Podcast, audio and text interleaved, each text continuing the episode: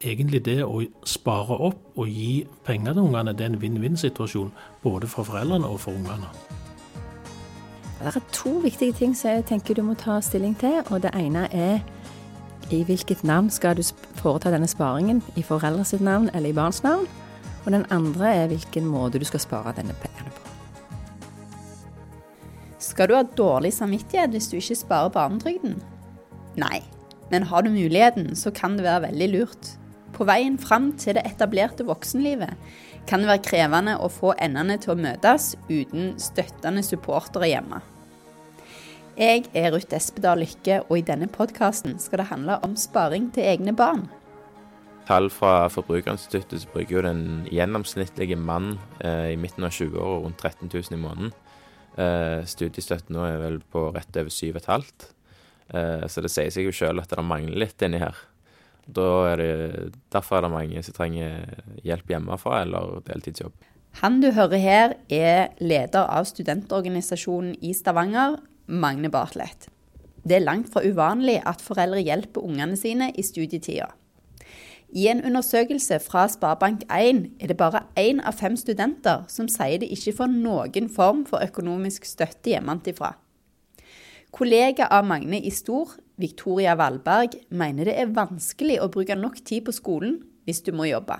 Jeg syns det er veldig bra, for det, det, er vanskelig hvis man på en måte skal fokusere kun på skole. Og man må gjerne ha en ekstra jobb. Og spesielt i ingeniørutdanningen. Man må bruke mye tid. Mange foreldre begynner tidlig å spare for å kunne hjelpe ungene sine, og utdanning er en av tre viktige sparemål for foreldre. Hva sparer vi? Jo, en undersøkelse fra NTNU viser at 50% som får barnetrygd, i alle fall sparer denne. I 70 år så har barnetrygden vært basert på at barnefamilier, uavhengig av inntekt, skal motta barnetrygd.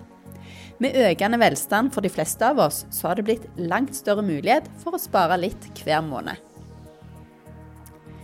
I den samme undersøkelsen om barnetrygd viser det seg at 16% sparer til lappen, og like mange sparer for å hjelpe ungene inn i boligmarkedet. Smart, mener banksjef Oddvar Rettedal i SR-Bank. Gjerne for å si først at Det som er utfordringen for ungene de skal inn på boligmarkedet i dag, det er egentlig to ting. Det ene er å ha nok egenkapital. Det er jo krav i dag 15% minimum 15 det andre er å ha nok likviditet, altså nok inntekt til å betjene det store lånet som de må ta opp. Og Sett i lys av det, så er den beste måten som foreldrene kan hjelpe ungene på, det er å spare eh, sjøl og gi disse pengene som mer som forskudd på arv. For da hjelper de eh, både ungene med at de trenger mindre lån, samtidig som de har fått egenkapital. Men i dag er det jo mange som garanterer eller vi har sikkerhet i egen bolig. Eh, hva tenker du om det alternativet? Det er jo òg et godt alternativ, men stiller foreldrene pant i egen bolig, så hjelper de ungene med egenkapitalen. Men de hjelper de ikke med det, den andre utfordringen som går på at de eh, må låne en stor sum, og gjerne har litt liten likviditet til det. Kanskje mener du at det å spare til egne unger, det er å sy puter under armene på dem. Ingrid Skjæveland fikk dattera til å spare langsiktig, allerede som tenåring. Jeg har ei datter som eh, fikk jobb hjemme. Hun skulle være vaskehjelp og skulle få 1000 kroner i måneden for det. Og fikk det hver måned inn på en konto som hun disponerte. Eh, disse pengene gikk inn, og de gikk fort ut igjen. Og etter et par år så ble vi enige om at vi skulle spare disse på fond. Og hun har nå spart dem i seks år. Eh, og har nå en eh, oppspart på 102 000. Eh, hun har en, hatt en årlig avkastning, hvis vi ser på gjennomsnittsavkastningen her, på ca. rett over 6% Og Det som er fint med dette, er jo at hun, de er ikke så tilgjengelige som når de er på en konto.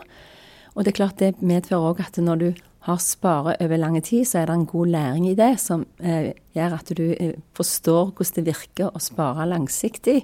Rentes rentesavkastningen, og det å, å, bli interessert i å se hvordan pengene utvikler seg.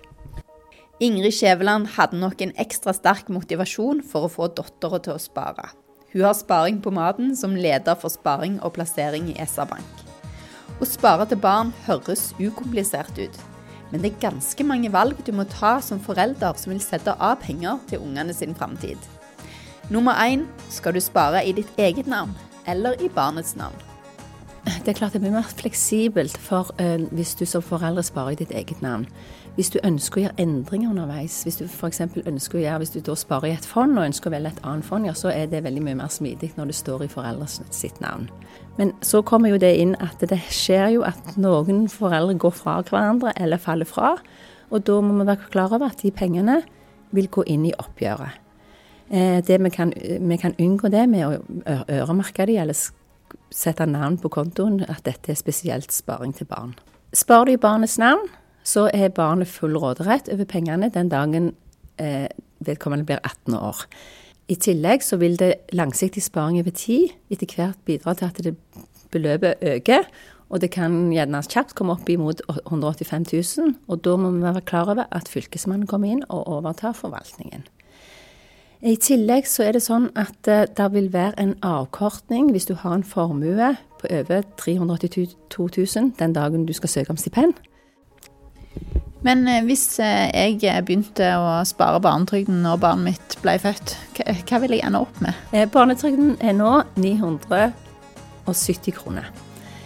sparer du dette hver måned fram til barnet er 18 år, og du sparer på i aksjefond, hvor vi forventer avkastning er ca. rundt 8% så vil du sitte igjen med en, en, oppspart kapital på 432 000. En veldig god eh, reserve å ha med seg tidlig i livet.